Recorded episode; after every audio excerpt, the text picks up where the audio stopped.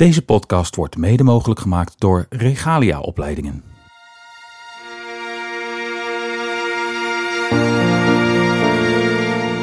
En ik kan me ook voorstellen dat mensen die het niet meemaken soms denken, joh, moet dat allemaal? Ja, een meisje van 20 weken die bij overgrootmoeder heb ik in de handen gelegd. Dat Ja. oma eh, huilde. En weet je wat hij deed? Die mevrouw van bijna 90, die zei, ik moet naar huis, ik moet mijn broer bellen. Want die heeft dit meegemaakt en we hebben er nooit over gepraat.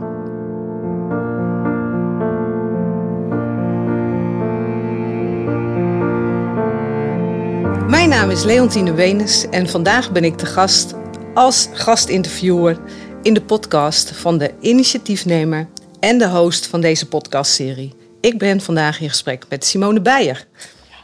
Welkom in je eigen podcastserie. Gek dit, hè? Ja. ja.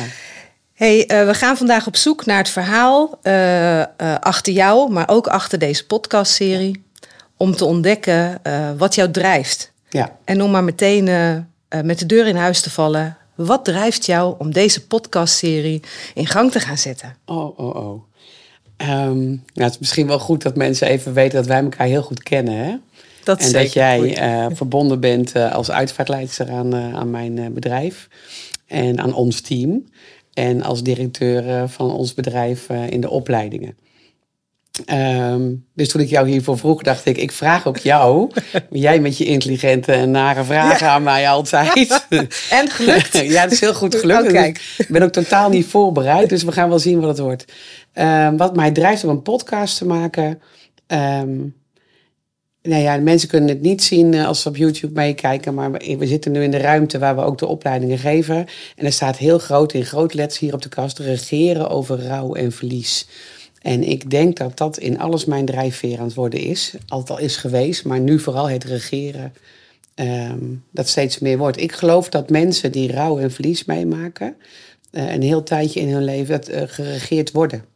Hun leven wordt geregeerd door rouw en verlies. En dat kan ook niet anders, want je moet rouwen als dingen je, je overkomen. Ja. Maar ik geloof wel dat het zo moet zijn dat je na een tijdje de regie zelf weer terugpakt. En ehm, ik heb een, eh, een heel groot hart voor mensen die verdriet hebben. Eh, dat is jaren geleden al ontstaan. Ik ben op zoek geweest naar wat is mijn roeping in het leven door een part-time bijbelschool. En eh, uiteindelijk wist, dat ik, wist ik dat ik daar wat mee wilde doen. Ehm, en dat begon met een uitvaartonderneming die we inmiddels ruim 7,5 jaar hebben. Ehm, ik begon alleen. We zijn inmiddels met bijna 25 mensen. En toch was het niet genoeg. En dat klinkt zo gek. Mensen zouden dan denken, ja, ben je dan nooit tevreden?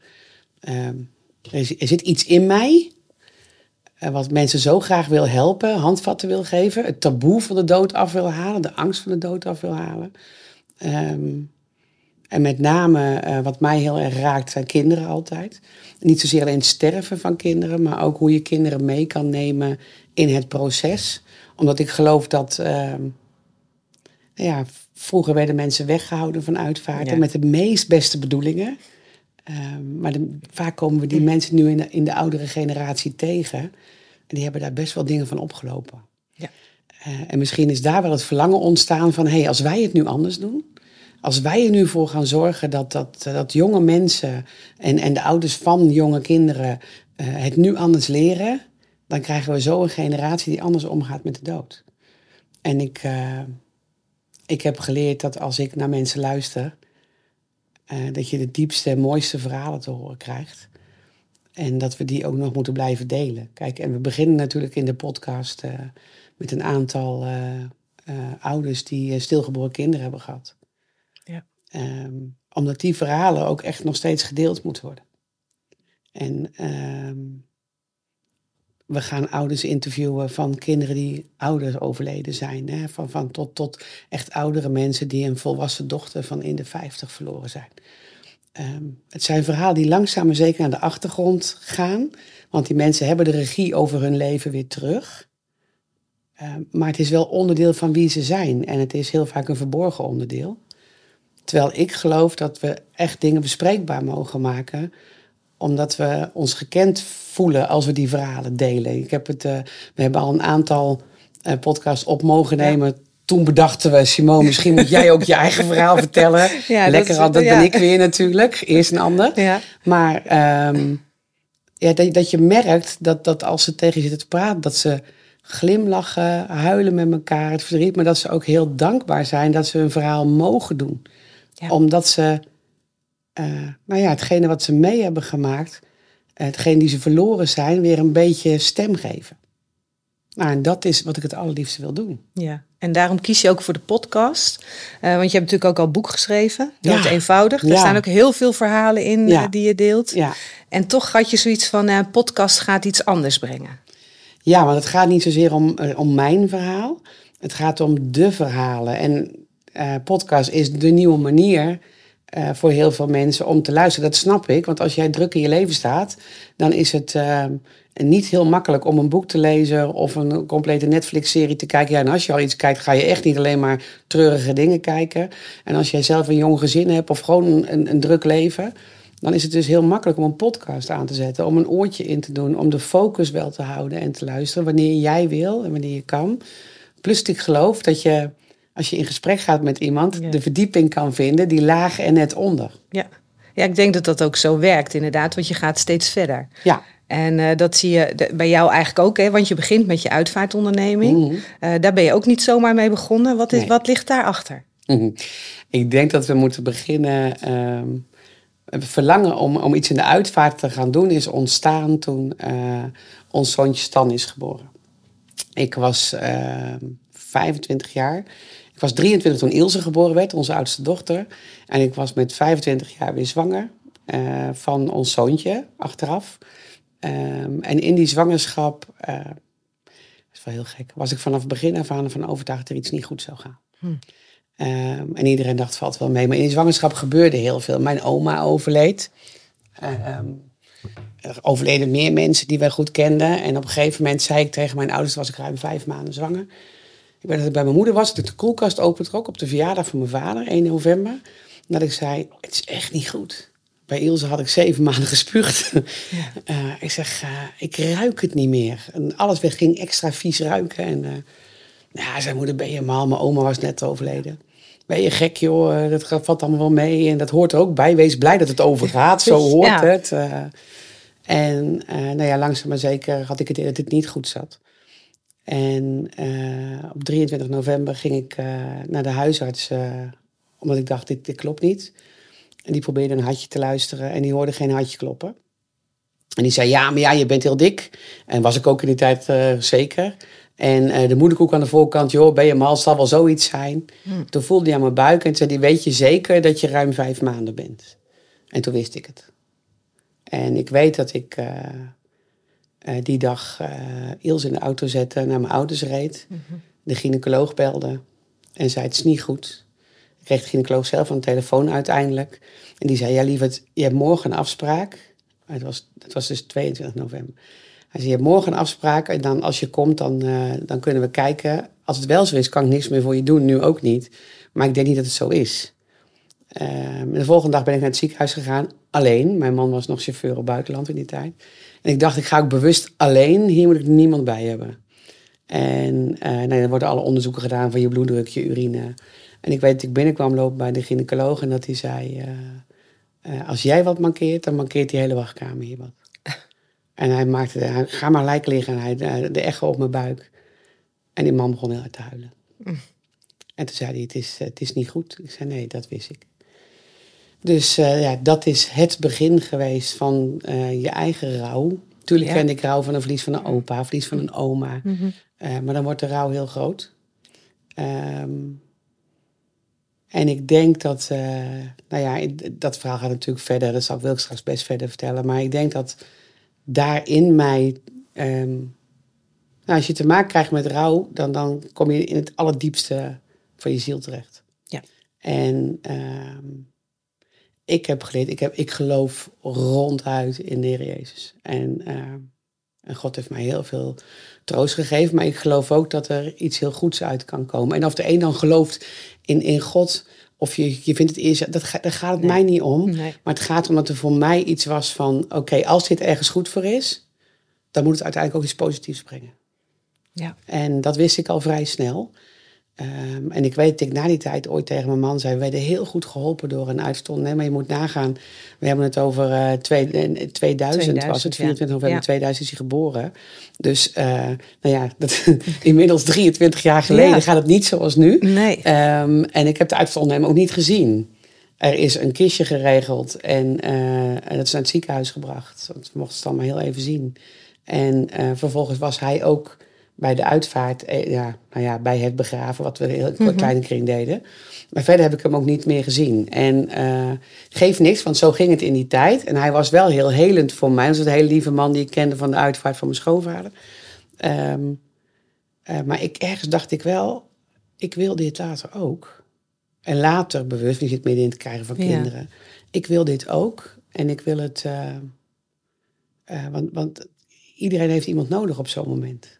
En meer dan ik van hem kreeg, zonder hem tekort te doen. Mm -hmm.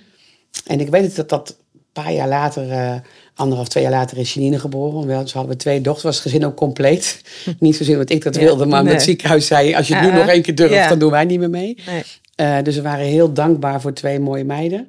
En ik weet dat ik ergens in die tijd begon van, later wil ik in de uitvaart. Hè? Of ik wil wel iets in de uitvaart doen. En dat mijn man echt zei, ben je helemaal besodemieterd? Je neemt altijd je werk mee naar huis, je er niet op te wachten. Nee. En het werd ook, ja, heel lullig, het werd onze familiegrap. Ja. Mijn broer die riep dan tegen mijn vader, en mijn broer zit in de zwembaden.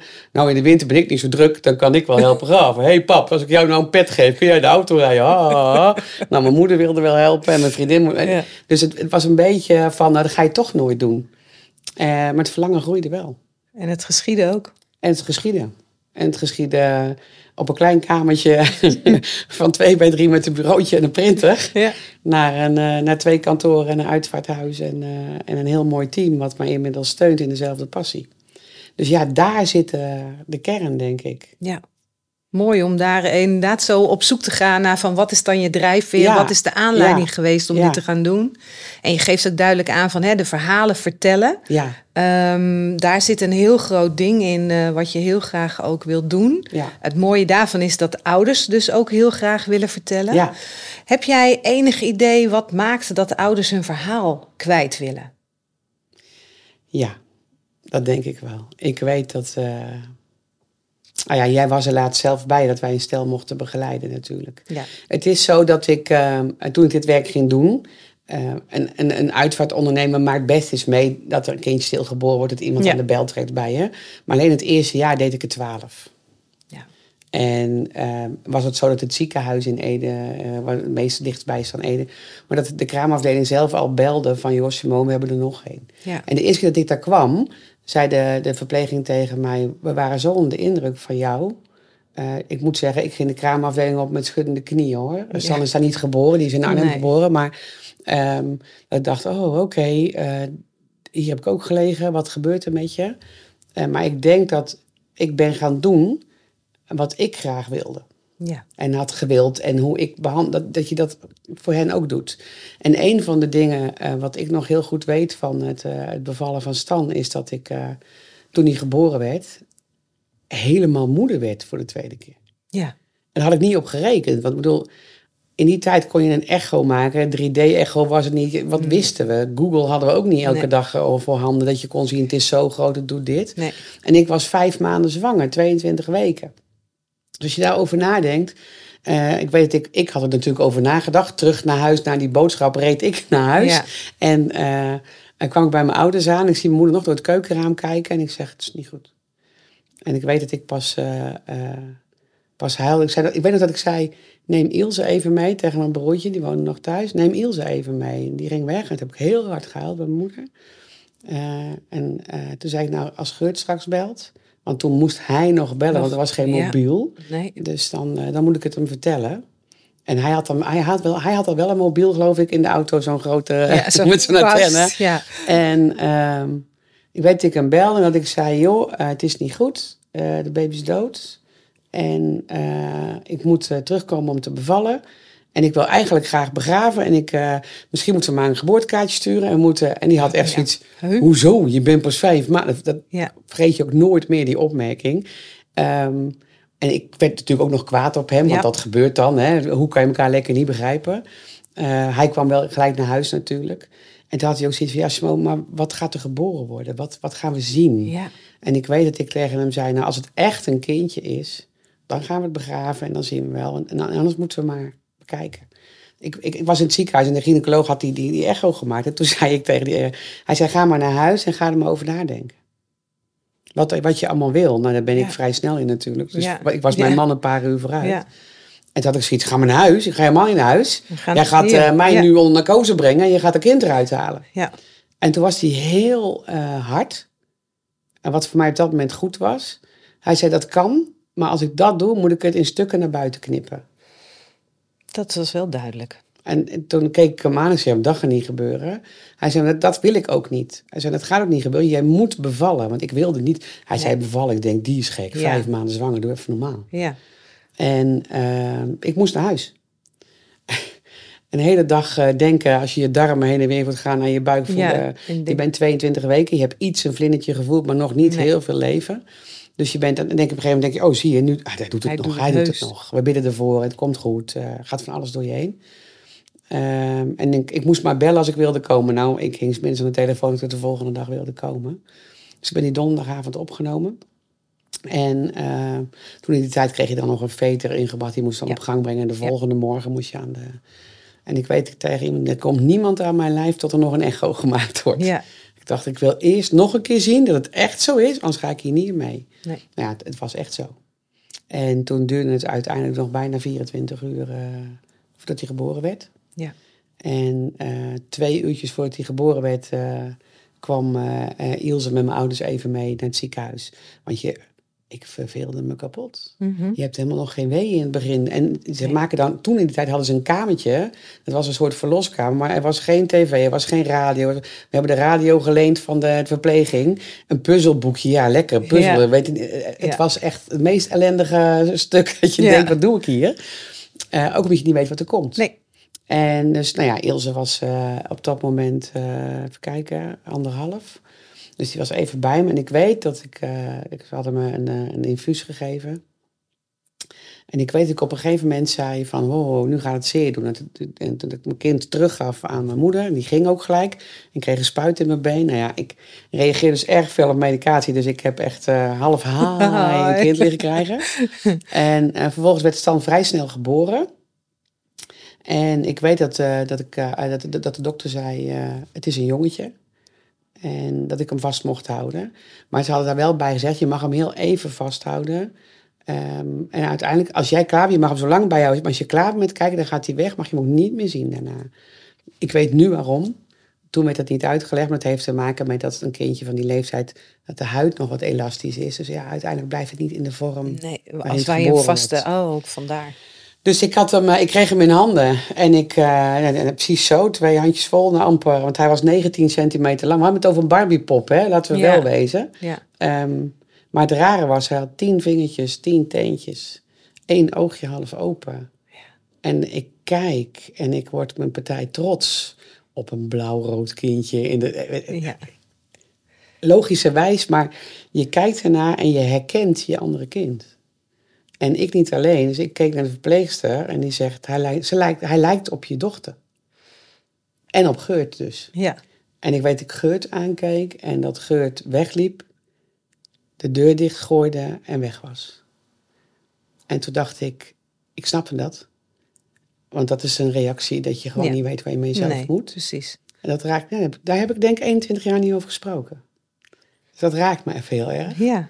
Maar hij werd vader eh, van een jongetje wat in het gezicht echt op hem leek. Maar kon er vervolgens niks mee. En ik was al lange moeder. Ja. En ook al langer overtuigd van het feit dat het waarschijnlijk niet goed ging. Ja. Ergens in mij. Maar we werden op dat moment opnieuw vader en moeder. En we waren Ja. ook gewoon hartstikke trots. Weet je, je, je- het is heel raar, maar je het liefst dat iedereen hem ziet. En dat kon in die tijd niet. Dus je kijkt ernaar zo lang mogelijk. Op een gegeven moment geef je hem mee. Zo'n mini balzakje dat je nog denkt. Ja. Ja, maar gewoon dat je, Ja, echt is af. dat je nog Ja. later denkt, was het wel echt een jongetje? Want hij was iets eerder gestopt met groeien en pas voor twintig weken weten ze toch. En het begint bij een meisje op dezelfde manier. Maar dan, Ja. het was echt een jongetje. Maar alles in je... eh, en ik weet, nou ja, ik verloor daarna enorm veel bloed en, en moest eh, nog gecureerd Ja. worden. En eh, toen ik wakker werd, eh, werd ik, werd ik naar de medium care gebracht. En eh, ik hoorde mijn vader, maar Geurt moet er nog om lachen. Die zegt wat. Ik had het tegen je aangekletst. Je reageerde nergens op. En je hoorde je vader hoor je zeggen tegen mij. Hé hey, pap. En ik schat zijn bij half overeind. Pap, pap, ik heb een zoon gehad. Hij is mooi. Hij is mooi, pap. Je moet gaan kijken. Ja. Uh, mijn vader dacht ook, ik ga nergens kijken. nee. En toen brachten ze, brachten ze hem naar de medium care. Ja, en ik, oh, ik- als, als, als degene die dit heeft meegemaakt dit ooit hoort, dan moet hij contact met me opnemen. Maar er kwam dus een broeder aan mijn bed, maar ik was nog zo high van narcose dat ik mijn ogen niet echt open kon. Dus ik heb geen beeld bij deze man. En ik weet dat ik eh, neergezet werd, dat ze even wat controles deden. En ik lag echt met de oogjes zo een beetje dicht. En dat die man zei, eh, ik zie dat u bevallen bent van een zoon. Ja, gefeliciteerd, zegt hij. En ik zeg, dankjewel. Hij is zo mooi. Ja, zit ik. Ja, hij is wel dood, maar hij is prachtig. Maar, Ja. En ik hoorde, eh, eh, eh, oh, sorry. Ja. En weg was die man. Ja. ja, en ik moet, ja, ik, en anders had het misschien verdrietig worden, maar ik moest erom lachen. Ja. Maar deze man heeft mij gefeliciteerd. Ik denk dat het de enigste man is die mij ooit gefeliciteerd heeft met de geboorte van mijn zoon. En dat is een van de redenen dat als ik naar ouders toe ga, Ja. dat ik binnenkom en ik zeg, ik moet je condoleren. Maar ik moet je ook feliciteren, want je bent vader en moeder geworden. En je kan dat niet uitleggen, maar dat je wordt echt opnieuw vader en moeder, of voor het eerst vader en moeder. Datzelfde gevoel bij een kindje wat niet ademt, is net zo groot als dat het wel zo is. Die En dat kan ik echt zeggen, omdat Ilse natuurlijk eerst leefde en Stan de tweede was, Ja. waar het niet zo was. Nee, en dat Maar het gevoel is exact. En toen Ja. Janine daarna kwam, was het gevoel er weer. Ja. En dat, dat ja, dat is, dat is denk ik ehm, nou, waarom je er ook over wil blijven praten. Waarom je het ook. En dat doe je niet veel hoor, want het, en zeker in die Nee. tijd niet. Nee. Weet je, wij kozen ervoor om obductie te laten doen. Ehm, om, nu kunnen ze een scan maken. Nu kunnen Ja. ze veel meer zien aan het bloed. Dat kon allemaal niet. En we wilden natuurlijk heel graag weten of het niet erfelijk was. Ja. Want dat zijn wel dingen die je wil Mhm. uitsluiten. En eh, dat betekent dat ik hem daarna ook niet meer gezien heb. En ik weet dat ze de volgende morgen nog tegen mij zeiden, net dat ik naar huis mocht. Wil je hem nog even zien? Toen dacht ik, ja, what the fuck. Eh. Ik mocht hem niet meer Nee. zien. Nu wel, maar dan is hij niet meer zo mooi, hebben jullie Nee. gezegd. Ja, maar het kan nog wel. Ik zei, nee, doe maar niet. Nee. Daar heb ik ook geen spijt meer van. Nee. Ehm, maar wetend met wat er nu kan, Mhm. wat we nu kunnen met een onderwateropbaring, dat hij mee naar huis had gekund, dat hij een paar dagen in koud water had gekund, dat ik hem had Ja. kunnen vasthouden, Ja. dat ik hem had kunnen laten zien aan mijn moeder en mijn vader Ja. en mijn broers en gewoon de mensen om je heen. Ja.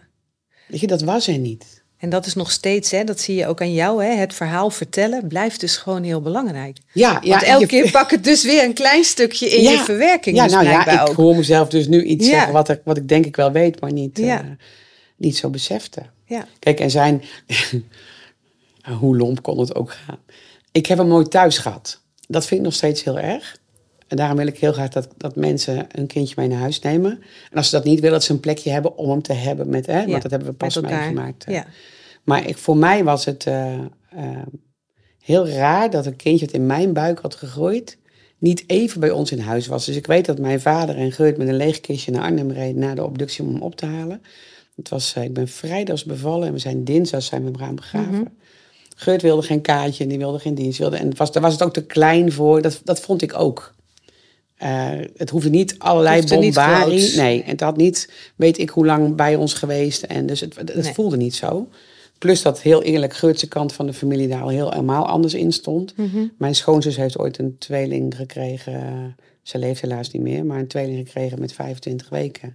Die zijn direct overleden, allebei bij haar weggehaald, nooit gezien. Nooit, Nooit ge- nee. Dus het was ook een beetje van. Ja. eh, dat was ook ja, de de mensen die tijd tijd die je nog kent, in Ja. die tijd zeker. Als, Ja. je, als je er niet over praat, dan is het er ook niet. Nee. Eh, nou ja, zo weet het niet. Nee, nee. Ehm, dus we hebben ervoor gekozen om zelf naar het grafje te gaan. En mijn vader ging dan mee met Geurt om stand te halen. Ja. Werd daar natuurlijk in het kistje gelegd, kregen we mee naar huis. En toen kwamen ze bij ons binnenlopen van, kom, ga je mee? We gaan naar de begraafplaats. En ik zei, ik weet nog dat ik zei, ja, hou eens op. Eh, je moet neemt toch even mee naar binnen? Oh ja. Nee, het is al in de auto en we moeten er bijna zijn. En eh, ik moest opschieten. Nou ja, je kent mijn vader en Ja. mijn man, dus je weet een beetje hoe dat toen ging. En uiteindelijk, eh, ik mopperend eh, mee. En mijn moeder zei, zullen wij meegaan? Dan hebben we Ilse mee. Ik zei, ja, ik wil Ilse er ook bij hebben. Dus mijn ouders zijn meegegaan met z'n vijf in de auto. Ze komen bij de auto aanlopen, want dat was in de tijd waar wij wonen, moet je 100 meter naar de parkeerplaats. Ik zeg, waar hebben jullie hem dan? Ja. En toen, ze- toen zeiden ze, ja, in de kattenbak. Oh ja. En ik werd kwaad. Je stopt mijn kind niet in de kattenbak. Wat hadden ze nou gedaan, de lieverds? Laat ik Ja. dat vooropstellen. Ze hadden me het kistje in een big shopper gezet. Ja. Tussen de reserveband en... Want, hij moest veilig ja. staan dat er niets mee kon gebeuren. Maar voor mij was dat echt... Je hebt mijn kind gewoon ook nog weggestopt. Ik mag hem al niet mee. Ja, dat was echt eventjes... eh, nou ja, ik slikte en je gaat door. Maar dit is wel een van de redenen waarom als ik een kindje op ga halen... dat ik altijd met twee mensen ga. Ja. Als wij het gaan Ja. halen. We met twee gaan. Dat kindje bij ons nooit achter in de bus gaan. Maar altijd op schoot. Ja. Ja. Dat kan gewoon niet, weet Nee. je wel? En ik weet dat ik een van de eerste kindjes ooit thuis bracht, Jolie, dat haar vader later zei, was een voldragen kindje, we hadden laten balsemen. En toen zei haar vader, toen jullie uitstapten en het kistje met Jolie op schoot hadden, toen had ik echt zoiets, wauw, jullie geven echt om mijn dochter. ja. Toen dacht ik, ja, maar dat is het. En mijn man en mijn vader gaven verschrikkelijk veel Ja, de om mijn intentie zoontje. was hetzelfde, Maar het was ja. echt een mannelijke Ja. intentie van, hoe doen we dit? Ja. Dus eh, dat is wel heel, eh, heel apart. En toen zijn we naar het graf, daarna ben ik hof gereden. Daar hebben we een feutusgrafje, eh, hadden ze toen ook nog. En dan mocht hij begraven worden. En eh, ik had heel veel bloed verloren. Dus ik moest in een rolstoel, maar die had twee lekke banden. Dus uiteindelijk moest ik lopen.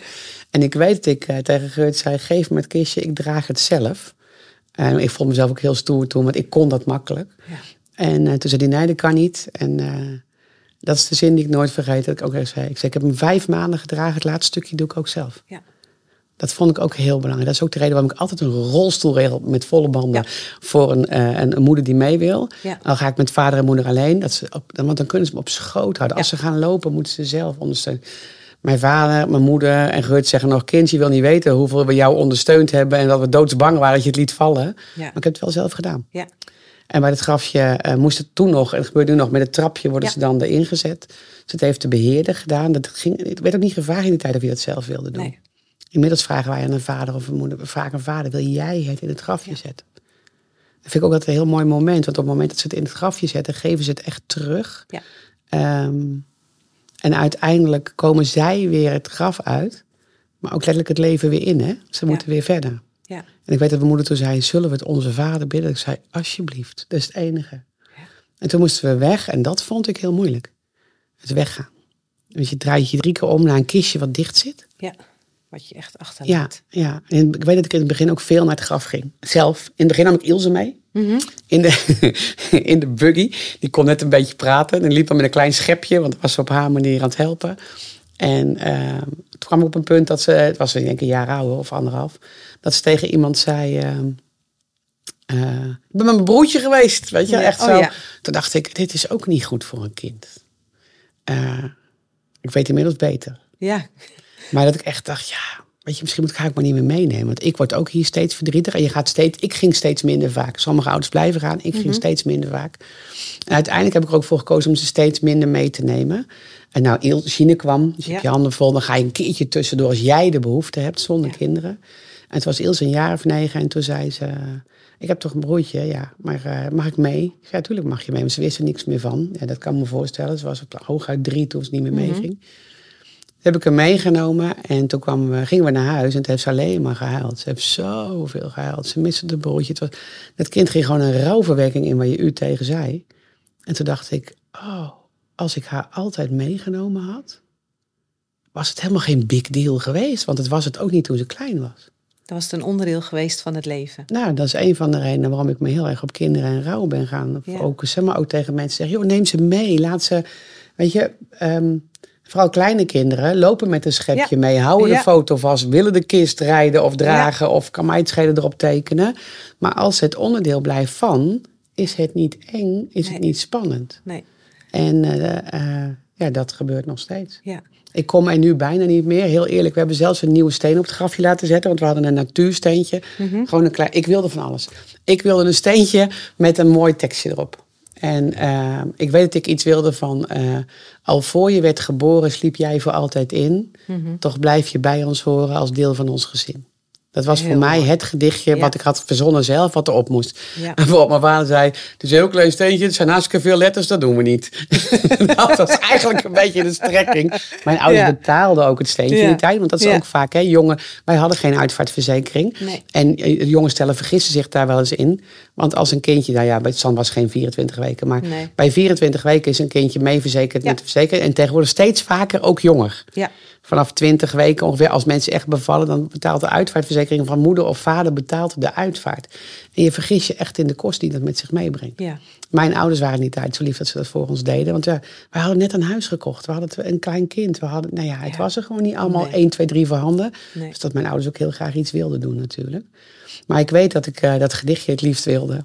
En eh, uiteindelijk is het een heel mooi stuk. Wat ik zelf met Gut, als een natuurstenen stuk. Dat staat op veilig in Jezus armen. Ja. En dan staat er onze lieve Stan bij er. En dan zijn datum. Eh, maar dat was een steen, dat lag schuin. En ik ben niet zo'n moeder die dan elke week naar haar graf, naar het grafje gaat. Want ik vond hem daar niet meer. Voor mij was hij veilig in Jezus armen. Dat stond ook niet voor niks op zijn, op zijn, op zijn steen. Dus voor mij eh, ging het verhaal steeds minder naar het graf, maar meer naar de hemel. Ja. En ehm, dus het, ik kwam af en toe langs dat steentje, dan was het gewoon groen. En dan nam ik weer chloor en alles mee. En dan, of natuurstem. En Ja. dan werd het weer schoon. En weer een nieuw plantje. En met zijn verjaardag deed je dat wel. En uiteindelijk was ik er, nou ja, werd ik uitvaartondernemer. Was ik er een paar jaar niet geweest. En toen kwam ik er langs. En denk ik, schaam me dood. Dit kan niet. Dit is, is, het geeft ook geen ehm, waarde of respect aan het gevoel wat je wel hebt. Ja, wat je doet ook je hebt. kind niet. Ja. ehm, ze hebben een ander steentje laten maken wat gladder is. eh, en in een hartvorm wat er nu op staat. En ik Ja. kom er ook echt bijna niet meer. Nee. Ehm, ik ben er twee keer geweest dat me echt bij staat. Eén keer met mijn broer. Toen kwamen we, was er een oom, ja, oom vroeger, die noemde je iedereen oom en tante Mhm. Die bij je ouders over de vloer kwam, overleden.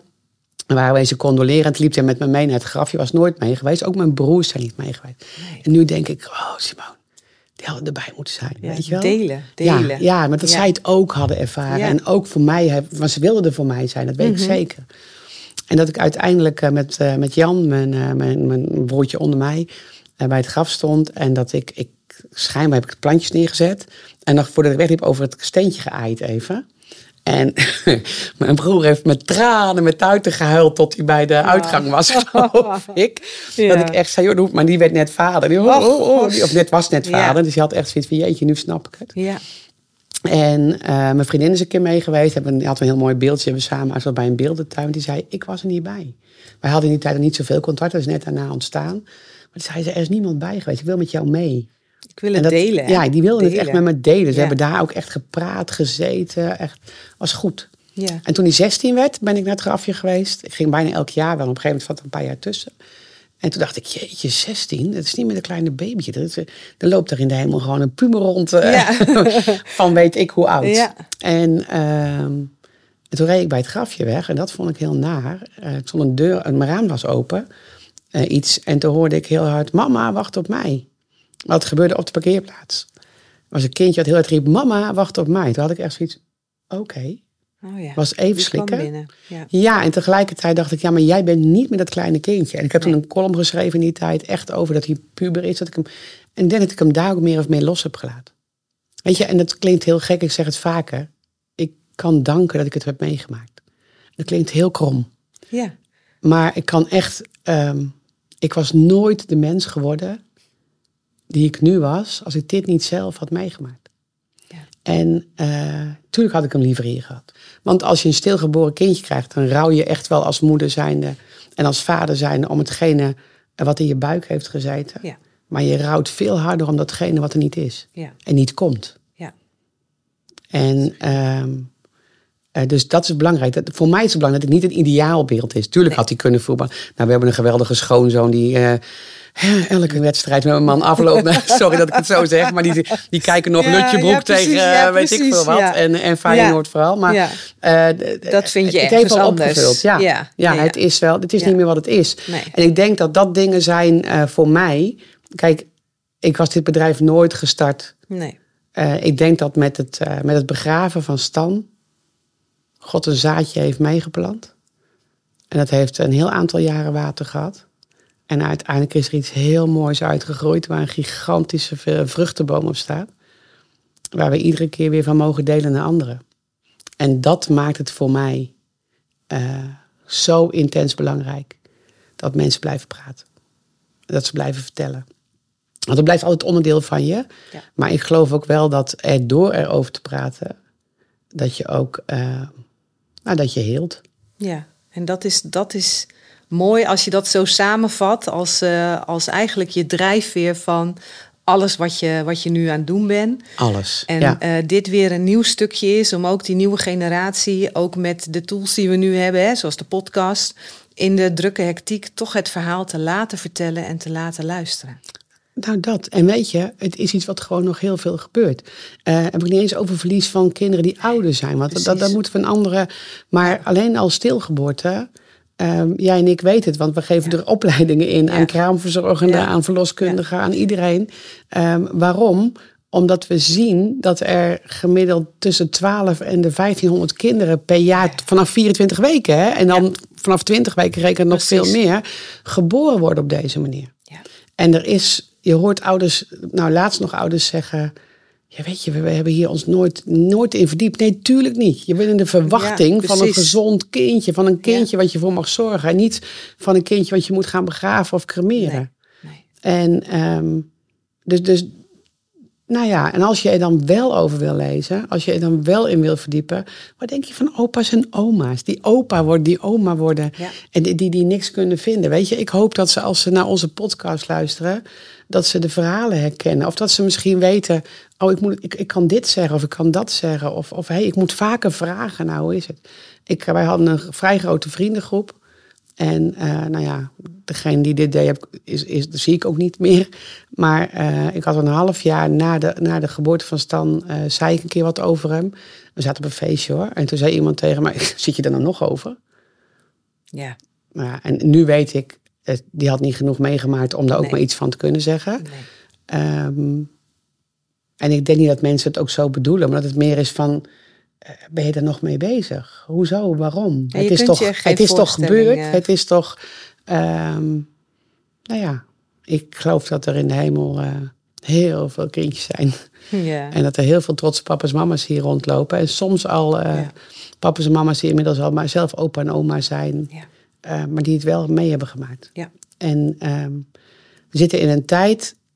Vroeger was het zo dat een kindje geboren werd dat de ouders het niet eens zagen. Het was weg. Ehm, als het al begraven werd, anders werd het gewoon hè, of gecremeerd of weggedaan. Eh, die hebben er nooit over gesproken. En eh, we zitten nu in een tijd dat het steeds meer mag, dat het er mag zijn. En ik kan me ook voorstellen dat mensen die het niet meemaken soms denken, joh, moet dat allemaal? Ja. Ja. En dat is ook de reden waarom nou ja, wij, denk ik, inmiddels ook die drijfveer hebben naar het. eh, ik hoor een heel gek geluid op Ik de hoor ook achtergrond. een heel gek geluid. En dat is denk ik ook de reden waarom wij de drijfveer hebben. eh, om, om mensen op te willen Ja. leiden. Van, van uitvaartland, maar ook ziekenhuispersoneel, kraamverpleegkundigen. Omdat wij weten dat een wateropbaring van intens grote waarde is. Ja. Dat een kindje van 20 tot 24 weken, of of het kan nog veel langer, maar eh, dat je dat in het water legt, dat het er eigen huidskleur terugkrijgt, een beetje gaat liggen zoals het in de baarmoeder ligt. Ja. Dat ze daarna kunnen kijken, het soms even vast kunnen houden en, en afscheid kunnen nemen. Maar het letterlijk ook kunnen delen. Ik heb een meisje van 20 weken die bij overgrootmoeder heb ik in de handen gelegd. Dat Ja. oma eh, huilde en, en keek. En zei, nou, ze leek inderdaad. Maar ze zei, dit kan ik me niet voorstellen. En weet je wat hij deed? Die mevrouw van bijna 90, die zei, ik moet naar huis, ik moet mijn broer bellen.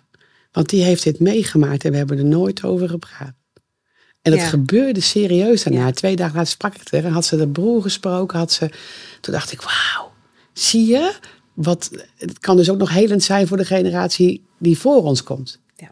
En, en ik geloof dat, ja, nou ja, dan ben je bij mijn passie. En als je mij laat kletsen, ik kan beter luisteren als kletsen, want anders hou ik nooit mijn mond, geloof ik. Ja, maar het is denk ik mooi om jouw verhaal ook zo te horen. Zodat we ook met elkaar eh, begrijpen waar het vandaan komt. En Ja. dat jij, waarom jij de dingen doet die jij doet. Ja.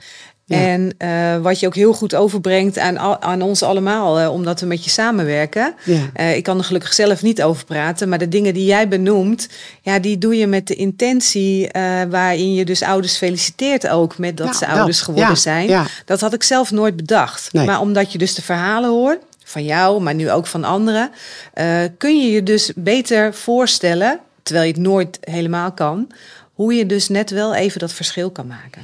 Nou ja, een van die, we hebben samen een, een, een, een heel lief stel begeleid pas. Ja, En eh, in het nazorggesprek zei, eh, zei de vader het, hè? ja, Dat hij mij aankeek en zei, eh, toen jij binnenkwam en mij feliciteerde, toen Ja. werd mijn kind werd echt mijn zoon. ja, Toen dacht ik, wow. Dus ik deed iets, nou ja, ik doe heel vaak iets vanuit gevoel. ja. Ik, eh, ik, ik kan prima nadenken, maar als ik echt, ik, ik werk vanuit gevoel. Dat hebben we, Ja. daarom heb ik jullie Ja. ook allemaal nodig. Maar, ehm, en eh, nou ja, dit klopte dus. Ja. En het feit dat ik iedere keer terughoor van ze, en dat deden ze ook met de podcast, en dat ze teruggeven van, ja, maar jij weet ook wat het is. Dat is het feit waarom ik mijn eigen verhaal vertel. Want het gaat niet zozeer om mijn verhaal. Nee. Het gaat om het feit dat de verhalen er zijn. Ja, en dat als je meer weet, dat je dus ook anders gaat handelen. En dat je er beter voor een ander misschien wel kan zijn. Nou, dat is denk ik uiteindelijk waar het om gaat. Dat is Ja. waarom we voldragen kindjes graag willen laten balsemen. Willen. Ik wil dat het afscheid... ehm, je wordt vader en moeder van een stilgeboren kindje. En ik wil dat die dan eh, die dagen dat je afscheid kan nemen... dat die ook te vol benut worden. Ja. Die paar dagen dat je, dat je met je kind hebt... ook al zijn ze stilgeboren... die moeten we vol benutten. En dat is dan misschien wel het grootste stukje passie op dat gebied. Ja. En als je dat doet, dan ga je al vrij snel ook regeren over je rouw en verlies. Nou, volgens mij prachtige woorden, Simone, om eh, hierin af te ronden. Lijkt mij ook. En eh, nog veel verhalen te vertellen, volgens mij op deelverhalen ook. We krijgen Maar, nog eh, hele mooie verhalen. Precies. Wie weet, eh, luister de podcast van alle interviews eh, die gaan komen. Mooi. Dankjewel. Jij bedankt.